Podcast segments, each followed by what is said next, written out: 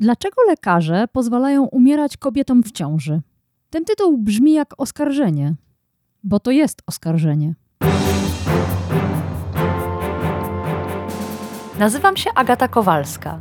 Jestem dziennikarką Okopres i umiem zadawać pytania. Wciąż jeszcze wierzę, że świat można ponaprawiać, więc swoich gości, polityków i ekspertki pytam o rozwiązania. Swoje tematy dorzucacie i wy, słuchaczki i słuchacze powiększenia. Wspólnie wyrywamy się z pułapki, że nic się nie da i że nic nie ma sensu. Zawsze dochodzimy do sedna. No, prawie zawsze. Zapraszam.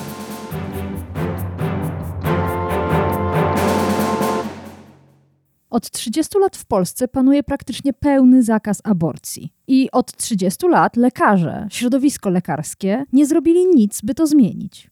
Jednocześnie coraz częściej słyszymy o kolejnej śmierci kobiety w ciąży w szpitalu.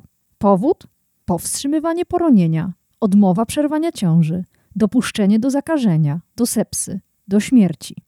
Dotychczas wściekłość kobiet wymierzona była w Kościół katolicki, wedle którego życie kobiet jest mniej ważne od płodów, w polityków, którzy ciałami kobiet kupczyli przed każdymi wyborami, w Trybunał Konstytucyjny i w Trybunał Pseudokonstytucyjny, z których pierwszy utrzymywał w mocy klauzulę sumienia, a drugi ten żałosny ogryzek ustawy antyaborcyjnej zmienił w zbrodnicze prawo. Ta wściekłość kobiet do tej pory nie była wymierzona w lekarzy. I właśnie coś się zmieniło. Lekarze postrzegani byli jako ofiary prawa antyaborcyjnego, jako współzagrożeni, jako ludzie w opresji. Wraz ze śmiercią Doroty z Nowego Targu dla rzesz kobiet jasnym się stało, że lekarze nie są ofiarami, są współsprawcami. Dlatego to w ich stronę krzyczano ani jednej więcej. To w ich stronę krzyczano: przestańcie nas zabijać. Dlaczego lekarze pozwalają umierać kobietom w ciąży? Dzisiaj w powiększeniu przyjrzymy się aktowi oskarżenia i głosom obrony.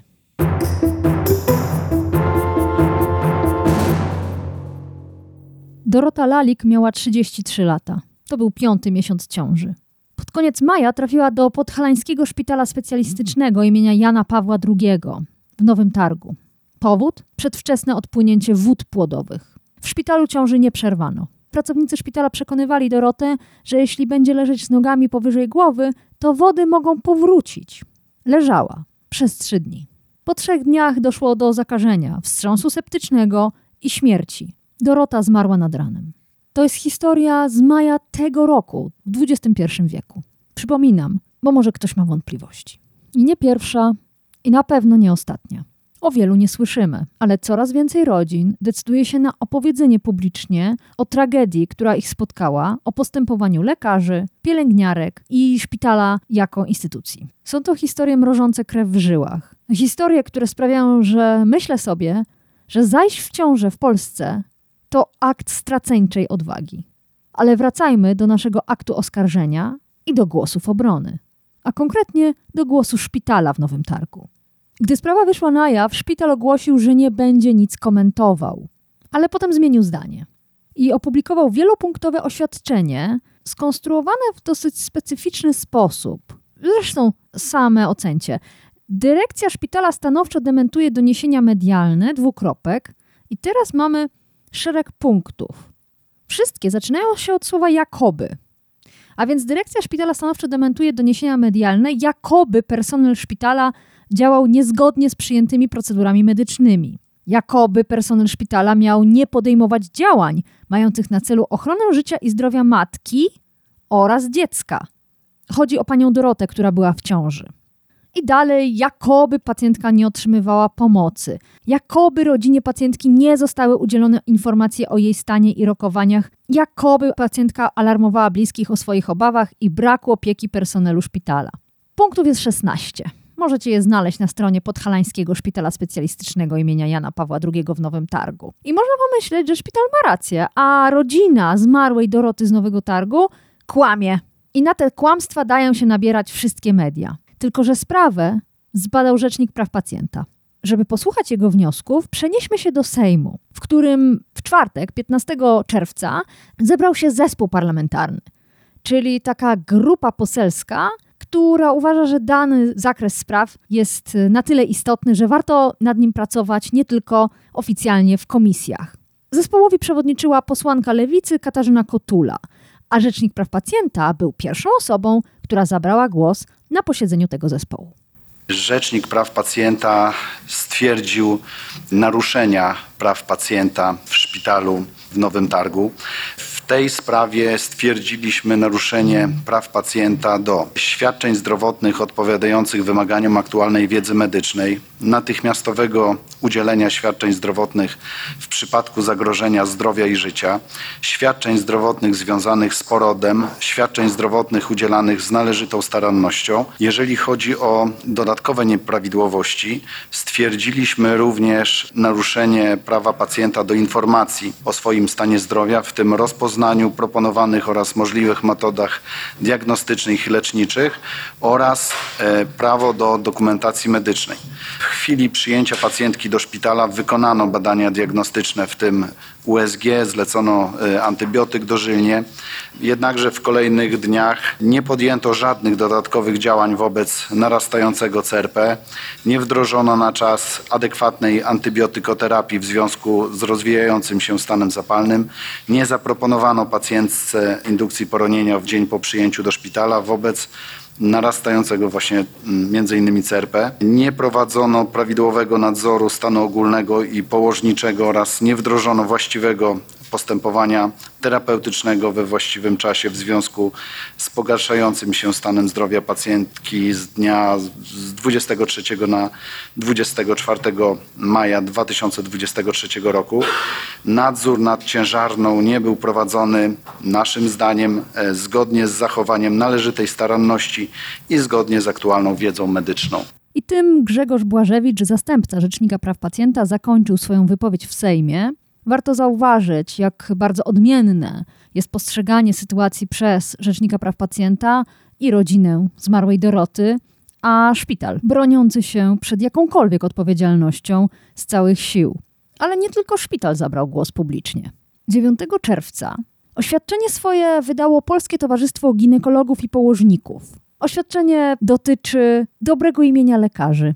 Ginekolodzy położnicy poczuli się urażeni. Szkalowanie nas Burzenie autorytetu, bezpodstawne oskarżenia prowadzą do strat, które mogą bezpowrotnie zniszczyć relację lekarz-pacjent i wpłynąć na efekty leczenia. Burzenie autorytetu? Przed chwilą cytowałam Rzecznika Praw Pacjenta, który wyliczał wszystkie naruszenia, do jakich doszło w szpitalu. Trudno zrzucić to na jednego lekarza, trudno zrzucić to na jedną pielęgniarkę. Ktoś tam podejmował decyzję o niepodejmowaniu decyzji. Bezpodstawne oskarżenia? Znów odwołajmy się do pracy Rzecznika Praw Pacjenta. Czyżby oszukiwał? Czyżby kłamał? Przecież widział dokumentację medyczną. Ale o wiele ciekawsze jest kolejne zdanie. Nie będę oczywiście analizować całego tego oświadczenia. Jest długie i męczące. A męczące dlatego, a zresztą same posłuchajcie. W ostatnim czasie lekarze położnicy ginekolodzy mierzą się z problemami wynikającymi z rozwiązań systemowych, które mogą oddziaływać zarówno w sferze psychologicznej, jak i prawnej na podejmowane decyzje i procesy lecznicze. O co tu chodzi? Co to za zamęt językowy? To zdanie dotyczy tego, że mamy zakaz aborcji w Polsce. To są te problemy wynikające z rozwiązań systemowych. A jakie to problemy? Te psychologiczne i prawne? Lekarze boją się, psychologiczne, kary więzienia, prawne. Nie można tego napisać otwartym tekstem. Ani razu w tym przydługawym oświadczeniu Towarzystwa Położników i Ginekologów nie pojawia się słowo aborcja. Ani razu nie ma mowy o terminacji ciąży, o przerwaniu ciąży. A przecież cały czas mówimy o tej sprawie. Panowie lekarze, napisaliście oświadczenie, które jest dowodem w sprawie przeciwko wam. Aha, i jeszcze jedno. Mowa jest o powikłaniach, o błędach medycznych. Błędach medycznych? Kobieta, której rośnie poziom zakażenia, leżąca trzy dni z nogami za głową, bez wód płodowych, nie dostaje odpowiedniej opieki i to jest błąd medyczny? W XXI wieku? To nie jest błąd medyczny, to jest decyzja. Dalej towarzystwo pisze o tym, że nagonka medialna może być niebezpieczna dla lekarza, jak i kobiet pacjentek. To ciekawe, dlatego że ze wszystkich historii, które słyszymy, wynika coś wprost przeciwnego. Ujawnianie cierpienia kobiet na oddziałach położniczych sprawia, że można je uratować, że można im pomóc. O jakim ujawnianiu mówię? Choćby o tym, co padło w Sejmie, znów, na tym zespole, zwołanym przez posłankę Katarzynę Kotulę. Pojawiły się na nim osoby, które dbają o prawa pacjentek i dbają o ich zdrowie. I nie są lekarzami. Polska, obywatelki i obywatele muszą dowiedzieć się, co dzieje się tak naprawdę w polskich szpitalach i jak wygląda pomoc organizacji takich jak nasza. Antonina Lewandowska, Federacja na Rzecz Kobiet i Planowania Rodziny. Tylko w maju przeprowadziłyśmy 45 interwencji ratujących zdrowie i życie kobiet, które są przetrzymywane siłą, bez pomocy, bez opieki w szpitalach ginekologicznych w całym kraju. To jest co najmniej jedna taka sprawa dziennie. To nasza adwokatka, Kamila Ferenc, siedząca obok mnie, pisze wnioski i dopiero kiedy szpital otrzyma wniosek od prawniczki, łaskawie zgadza się przeprowadzić taki zabieg. Z drugiej strony, jeżeli nawet zgadza się przeprowadzić zabieg, to wcale nie znaczy, że później go gdziekolwiek odraportuje, bo szpitale same boją się odpowiedzialności politycznej. I w ten sposób i w 21 i w 22 roku załatwiłyśmy w polskich szpitalach około 700 zabiegów. Tymczasem sprawozdanie z realizacji ustawy za rok 2021 stwierdza, że aborcji w polskich szpitalach przeprowadzono 107. Są raportowane jako poronienia w toku, jako poronienia zatrzymane, jako krwotoki, jako sytuacje, które wymagają pilnej interwencji medycznej, ale broń Boże nie jako aborcja. Ostatnia udana interwencja z naszej strony zakończyła się godzinę temu. Aborcję wykonano u pacjentki w Częstochowie i gwarantuję, że to nie jest ostatnie dzisiaj. Nawet polski Sejm nie ma takiego tempa jak polskie szpitale. Bo w polskich szpitalach to, co o ósmej jest nielegalne, niemożliwe, dwie godziny później po interwencji Federy nagle jest wykonywane. Mam na myśli procedurę aborcji. Kamila Ferenc, prawniczka Federacji na Rzecz Kobiet i Planowania Rodziny. Dlaczego tak się dzieje? Ponieważ nie siła argumentu o dobrostanie kobiet i pacjentek ma tutaj znaczenie, ale argument prawny. Ryzyko nagłośnienia sprawy medialnie, złożenia skargi do Rzecznika Praw Pacjenta i tym podobne. Pomagam od 12 lat w aborcjach. Razem z Justyną, która siedzi obok mnie, pracujemy w Aborcji Bez Granic. Robimy codziennie 107 aborcji, czyli tyle, ile polskie szpitale przez cały rok, jeśli wierzyć oczywiście statystykom z wykonania ustawy. Natalia Broniarczyk, aborcyjny Dream Team. Wszystkim tym kobietom, wszystkim tym działaczkom przysłuchiwali się lekarze zgromadzeni na posiedzeniu zespołu w Sejmie. Ich odpowiedź, ich reakcja już za chwilę.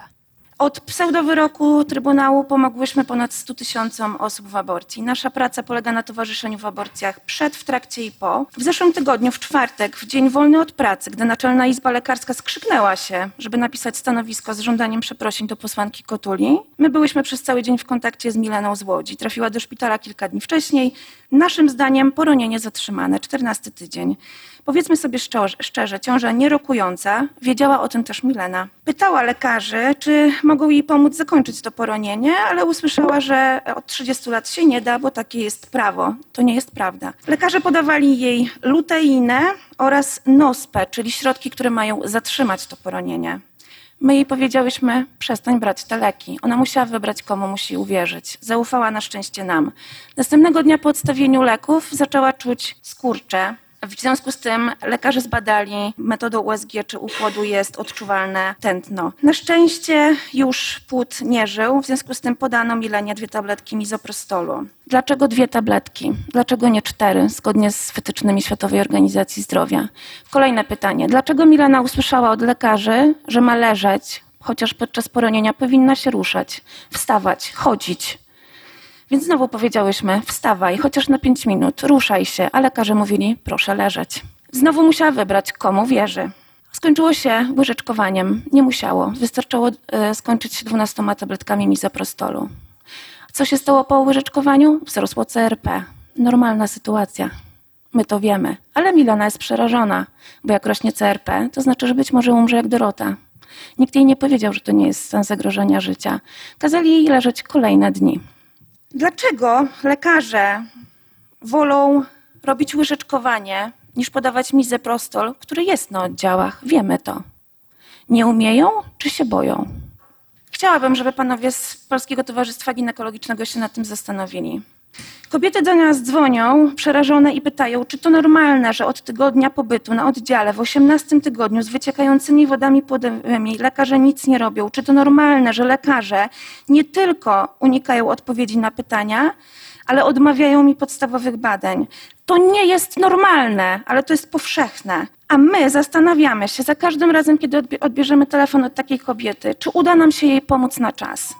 I czy być może ponieść osobiste ryzyko odpowiedzialności karnej i zdecydować się o wysłaniu tabletek aborcyjnych do szpitala. Do szpitala, w którym mizoprostol jest, wystarczy iść do gablotki, otworzyć, wyjąć 12 tabletek, przeczytać wytyczne WHO, podawać co 4 godziny. Nie, to my się zastanawiamy, czy podać mizoprostol pociągiem, pojechać, a być może po prostu znaleźć osobę w miejscowości, która zaryzykuje swoje bezpieczeństwo prawne i uratuje czyjeś życie. My się nie powinnyśmy nad tym zastanawiać. To wy się powinniście nad tym zastanawiać. Sylwia, 18 tydzień, ciąża zagnieżdżona w bliźnie po cesarskim cięciu, z łożyskiem wyrastającym przez bliznę do pęcherza moczowego. Lekarze w Polsce kazali czekać, obserwować, więc Sylwia kontaktowała się z aborcją bez granic. Co się stało z Sylwią? Sylwia była transportowana z kliniki w Holandii do szpitala helikopterem dlatego że lekarze nie wiedzieli wcześniej, jak obcować z taką ciążą. Nie widzieli takich przypadków. Oni widzą takie przypadki tylko u polskich pacjentek. Łapią się za głowę i mówią, jak to jest możliwe, że ona do 18 tygodnia chodziła z macicą, która mogła w każdej chwili po prostu rozlać krew na cały jej organizm. Jak to jest możliwe? Tak nie powinno to wyglądać. Konsekwencje waszych zaniedbań, leczy zagraniczny personel medyczny. Eksportujecie nas do innych krajów. To tylko niewielki wycinek rzeczywistości aborcyjnej, a raczej położniczej w polskich szpitalach. Tak jak mówiłam, zaś w ciąży w Polsce to akt straceńczej odwagi. Ale obiecałam Wam reakcję lekarzy, przedstawicieli tego środowiska, którzy byli obecni na posiedzeniu w Sejmie. Jako pierwszy zabrał głos profesor Przemysław Oszukowski, konsultant do spraw ginekologii i położnictwa z województwa świętokrzyskiego i jednocześnie członek Towarzystwa Ginekologów i Położników. Tak, tego samego towarzystwa, którego oświadczenie analizowałam bez litości wcześniej w podcaście. Profesor Oszukowski postanowił odnieść się bezpośrednio do sprawy śmierci pani Doroty i podzielić się kilkoma radami.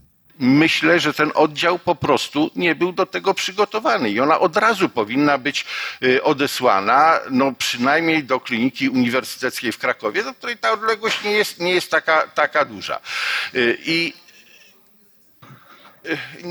nie, on nie powinien zostać zamknięty. On powinien pełnić rolę do tych przypadków, do których jest przygotowany i, i, że tak powiem, siłami ludzkimi i możliwościami laboratoryjnymi i możliwościami, y, możliwościami technicznymi. I zwykle y, te oddziały tak naprawdę to respektują tą zasadę. Zasada jest przede wszystkim nadzorowana przez Narodowy Fundusz Zdrowia, że za procedurę, które w danym ośrodku nie powinny być wykonywane, po prostu NFZ nie płaci. I to jest najprostszy, najprostszy sposób. Czyli eksport. Natalia Broniarczyk miała rację. Ale kontrę powinnam pozostawić innemu uczestnikowi tamtego spotkania w Sejmie. Bo wśród lekarzy zdarzają się wyjątki potwierdzające regułę. I jednym z takich wyjątków jest dr Dominik Przeszlakowski ze Szpitala Uniwersyteckiego w Krakowie, ginekolog, który zaczął zadawać niewygodne pytania. Chciałem do, y, dopytać, czy pan profesor zakłada, że wśród lekarzy z zespołu w Nowym Targu nikt nie wiedział, jak się zachować?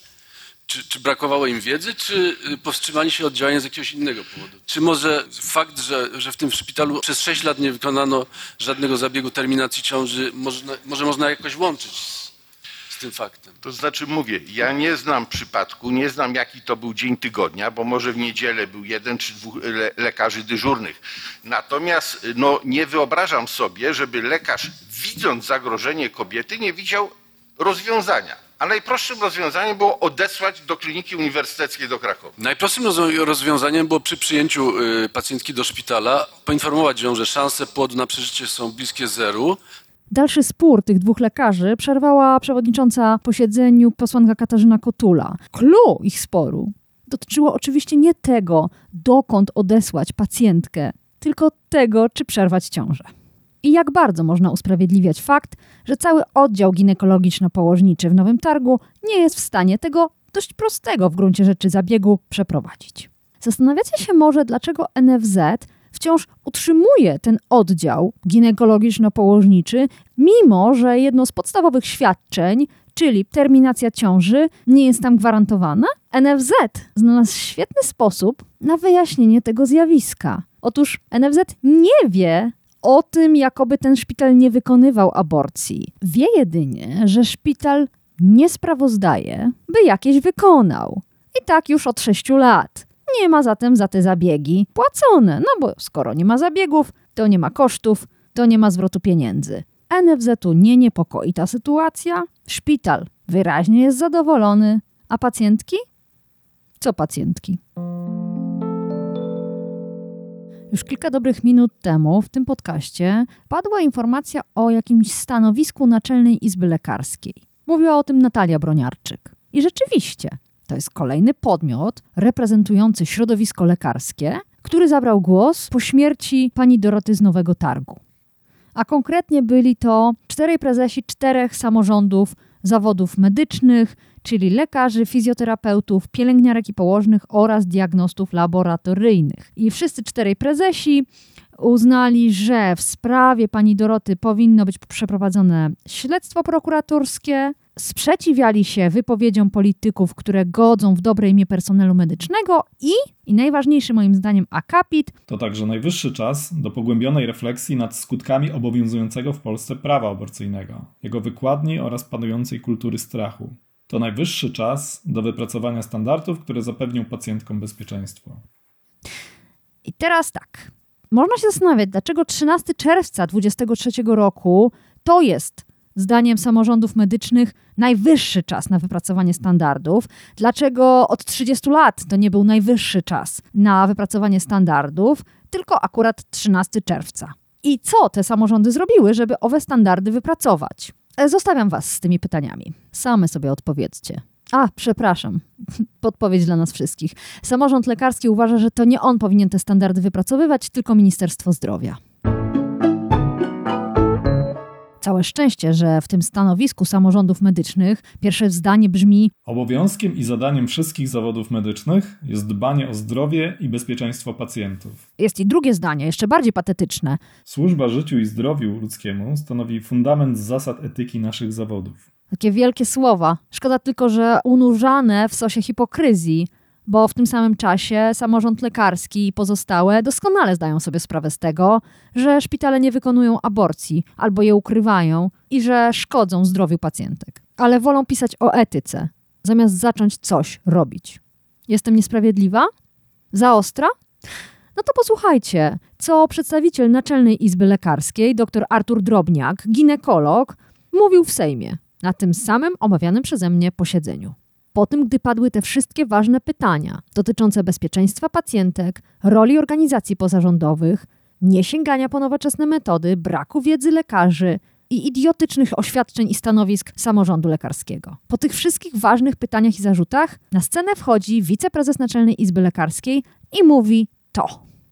No cóż tu powiedzieć, samorząd y, też jest bardzo dziwną konstrukcją. Lekarze wszyscy to wiedzą. Nie ma dobrych notowań nawet wśród lekarzy. Ja jestem akurat drugą kadencję w Naczelnej Radzie Lekarskiej, ale tylko z tego powodu, że jestem prezesem. Nie wiem, czy mnie wybrano w normalnych okolicznościach. Prezes wchodzi do naczelnej z urzędu, w związku z tym nie jest wybieralny. Y, Natomiast ten temat zawsze mnie interesował i, i, i trochę się nim zajmuję jakiś czas, stąd jakby zostałem delegowany z ramienia naczelnej e, do tego zespołu.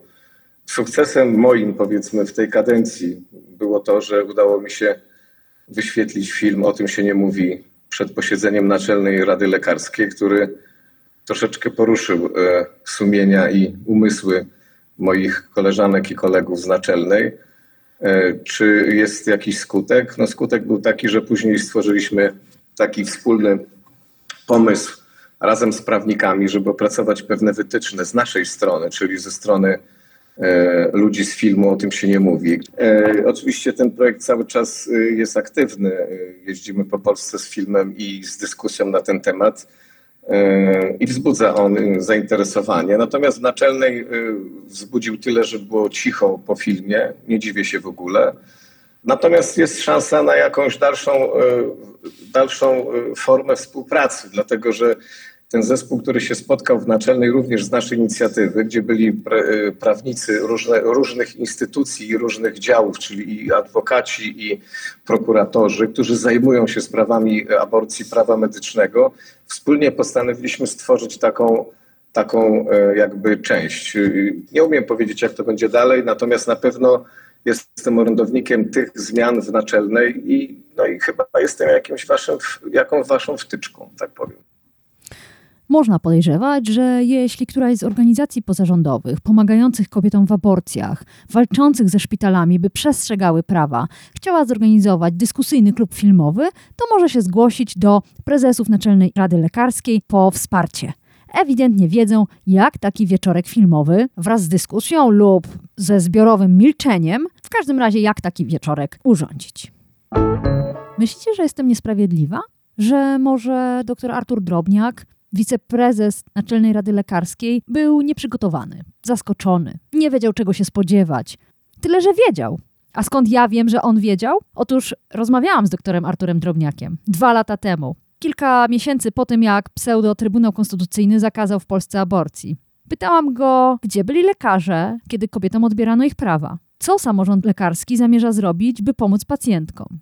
W jaki sposób zamierza wesprzeć samych lekarzy, tak, żeby nie bali się przerywać ciąży w sytuacji zagrożenia życia lub zdrowia kobiety. Pamiętam, że mówił, że to są ważne kwestie i że trzeba się zastanowić. To było dwa lata temu. A teraz samorząd lekarski, reprezentowany przez doktora Artura Drobniaka, nawołuje do głębszej refleksji. Żarty sobie robicie? Ale, żeby było sprawiedliwie, raz jeszcze oddajmy głos reprezentantowi samorządu lekarskiego, bo jedno z pytań zadanych w Sejmie było skierowane wprost do niego. Tym razem głos zabrała posłanka lewicy Marcelina Zawisza. Ja mam pytanie w zasadzie do Izby Lekarskiej. Jeśli spojrzymy na historię protestów lekarskich dotyczących ich własnej sytuacji zawodowej, ich własnych gabinetów, to widzimy historię wielu sukcesów, ale widzimy też bardzo odważne działania mające na celu wymuszenie pewnych zmian czy to zmian prawnych, czy organizacyjnych, czy finansowych. Mamy dużo ich. Na przykład był taki protest, że lekarze po prostu nie wydawali druków L4. Były akcje ostemplowywania dokumentów, ogólnopolski protest lekarzy, były strajki włoskie, e, mieliśmy nawet masowe zwolnienia, zwolnienia się z pracy, gdzie 2000 lekarzy zwolniło się z pracy, po czym zostało przyjętych na lepszych warunkach. Jakie działania Jakie działania? Bo mamy jeszcze strajk głodowy w historii protestów lekarzy. Jakie działania środowisko lekarskie podjęło w celu zmiany tego prawa, skoro uważają Państwo, że to prawo wiąże Państwu ręce w celu ratowania swoich pacjentek? Bo to jest pytanie, które mnie naprawdę nurtuje. Jakie konkretne działania, co Państwo zrobili, jak się Państwo zorganizowali, skoro to prawo, które obecnie funkcjonuje e, w rozumieniu wielu lekarzy w Polsce, wiąże ręce? Dziękuję. Dobrze, to ja krótko zapytam tylko, czy Naczelna Izba Lekarska chce się do tego odnieść? Nie. Nie. I cisza. Z ciszą bardzo trudno się dyskutuje. Naczelna Izba Lekarska, samorząd lekarski jest świetny w ciszę, nie tylko po filmach. Ale w czasie tego posiedzenia w Sejmie głos zabrał inny lekarz. Profesor Sebastian Kwiatkowski łączył się zdalnie ze Szczecina. Pan profesor pracuje na Pomorskim Uniwersytecie Medycznym i jest ginekologiem. Jego wypowiedź wydała mi się ważna, bo była szczera. Tak, to jest chyba najlepsze określenie. Posłuchajcie jej zresztą same. Przyznam się, że pierwszy raz uczestniczę mm, w takim posiedzeniu. Reprezentuję środowisko lekarskie i zawsze po tej stronie będę się opowiadał. Jesteśmy dla kobiet jedyną pomocą, która realnie może zaoferować Wam wyższe standardy niż te, które obecnie obowiązują.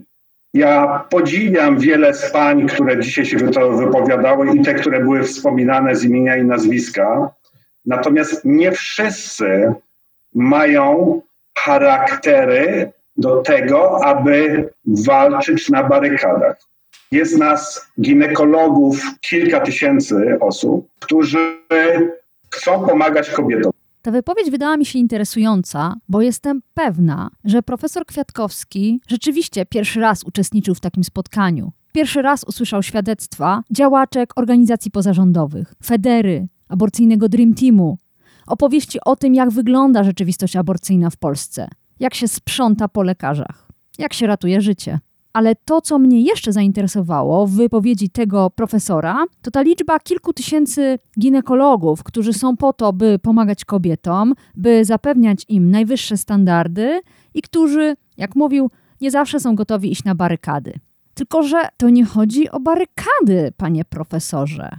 Chodzi o wiedzę i o przestrzeganie prawa. O wiedzę, jak się robi aborcję i przestrzeganie prawa, który tę aborcję wciąż w pewnych przypadkach dopuszcza. A dodatkową kontrę, i to bardzo ponurą, dostarczył przedstawiciel Rzecznika Praw Pacjenta. Po tych wydarzeniach w Pszczynie Rzecznik Praw Pacjenta zorganizował we współpracy z Naczelną Izbą Lekarską taką konferencję, szkolenie pod y, kierownictwem pana profesora Wielgosia dla wszystkich lekarzy, ginekologów i położników. Naczelna Izba Lekarska z tego co wiem, y, swoimi kanałami poinformowała wszystkie zainteresowane osoby o takiej konferencji, o takim szkoleniu. Wiecie Państwo, ilu lekarzy, ginekologów, położników wzięło udział w szkoleniu? 19. 19. Z jakichś 7 tysięcy. No, na pewno nie mieli czasu. Zarobieni byli. Wprawdzie, zdobywanie nowej wiedzy, szkolenia to obowiązek lekarza, ale jestem pewna, że wiedzę o tym, jak przeprowadzać nowocześnie i bezpiecznie aborcję, czerpią z innych źródeł. Nie, to nieprawda, nie czerpią. W Polsce od 30 lat praktycznie nie wykonuje się aborcji. Ci lekarze nie mają się skąd uczyć, nie mają od kogo się uczyć i nie mają pacjentek, przy których mogliby się uczyć. Ale coś zrobić mogą. Skoro taką trudność sprawia im walka o pacjentki i ich prawa, to może zawalczyliby o własne prawa, o swoje bezpieczeństwo. Mieli taką szansę. Dwa lata temu, kiedy pseudotrybunał zakazywał aborcji w Polsce, posłanki lewicy stworzyły projekt ustawy ratunkowej. Ustawa ratunkowa miała tylko jeden przepis: znoszący karalność aborcji w Polsce, wyrzucający aborcję z kodeksu karnego. To się nazywa fachowo dekryminalizacja. Aborcja w większości przypadków wciąż byłaby zakazana, nie finansowałby jej NFZ, ale za jej przeprowadzenie, za pomoc w aborcji, nie groziłoby więzienie. W efekcie lekarze mogliby stosować przesłanki medyczne do decyzji o przerwaniu ciąży, o ratowaniu życia kobiety, jej zdrowia, zamiast bać się prokuratora lub zasłaniać się strachem przed prokuratorem. Nie byłoby tego strachu, nie byłoby też tej wymówki. Więc dwa lata temu powstał projekt ustawy ratunkowej. Ratunkowej dla kobiet, ratunkowej dla lekarzy. Jak myślicie, jakie było stanowisko środowiska lekarskiego wobec tego pomysłu? Poparli? Nie poparli? Przecież już powinnyście wiedzieć. Milczeli. Samorząd lekarski do tej pory nie był w stanie wydać opinii w sprawie tego projektu. Oto mamy zawód w Polsce, którego wykonywanie może się okazać niebezpieczne prawnie. Prokuratura pana Ziobry przecież tylko czyha. I oto powstaje pomysł, by cię ochronić. A ty milczysz. Dlaczego oni milczą? Dlaczego oni milczą? Jedyna odpowiedź, jaka przychodzi mi do głowy, to taka, że zakładają, że nie będą robić aborcji. Choćby nie wiem co, choćby im pacjentka konała na stole, nie będą robić aborcji. I wtedy prokurator niegroźny. I wtedy ustawa dekryminalizująca, ustawa ratunkowa nie jest potrzebna. A że przy okazji umrze ta lub owa kobieta? No cóż, jak to było? Czasem zdarzają się powikłania.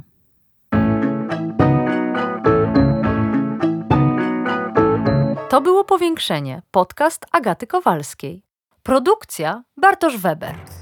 Powiększenie znajdziesz na stronie Okopres i w Twojej ulubionej aplikacji do podcastów. Masz pomysł na temat albo komentarz? Napisz do mnie agata.kowalska małpaoko.press. Stałych darczyńców zapraszamy na grupę Okopres na Facebooku Twoja okolica. Tam też toczymy dyskusje o świecie i o podcaście. Dziękujemy za Wasze wsparcie.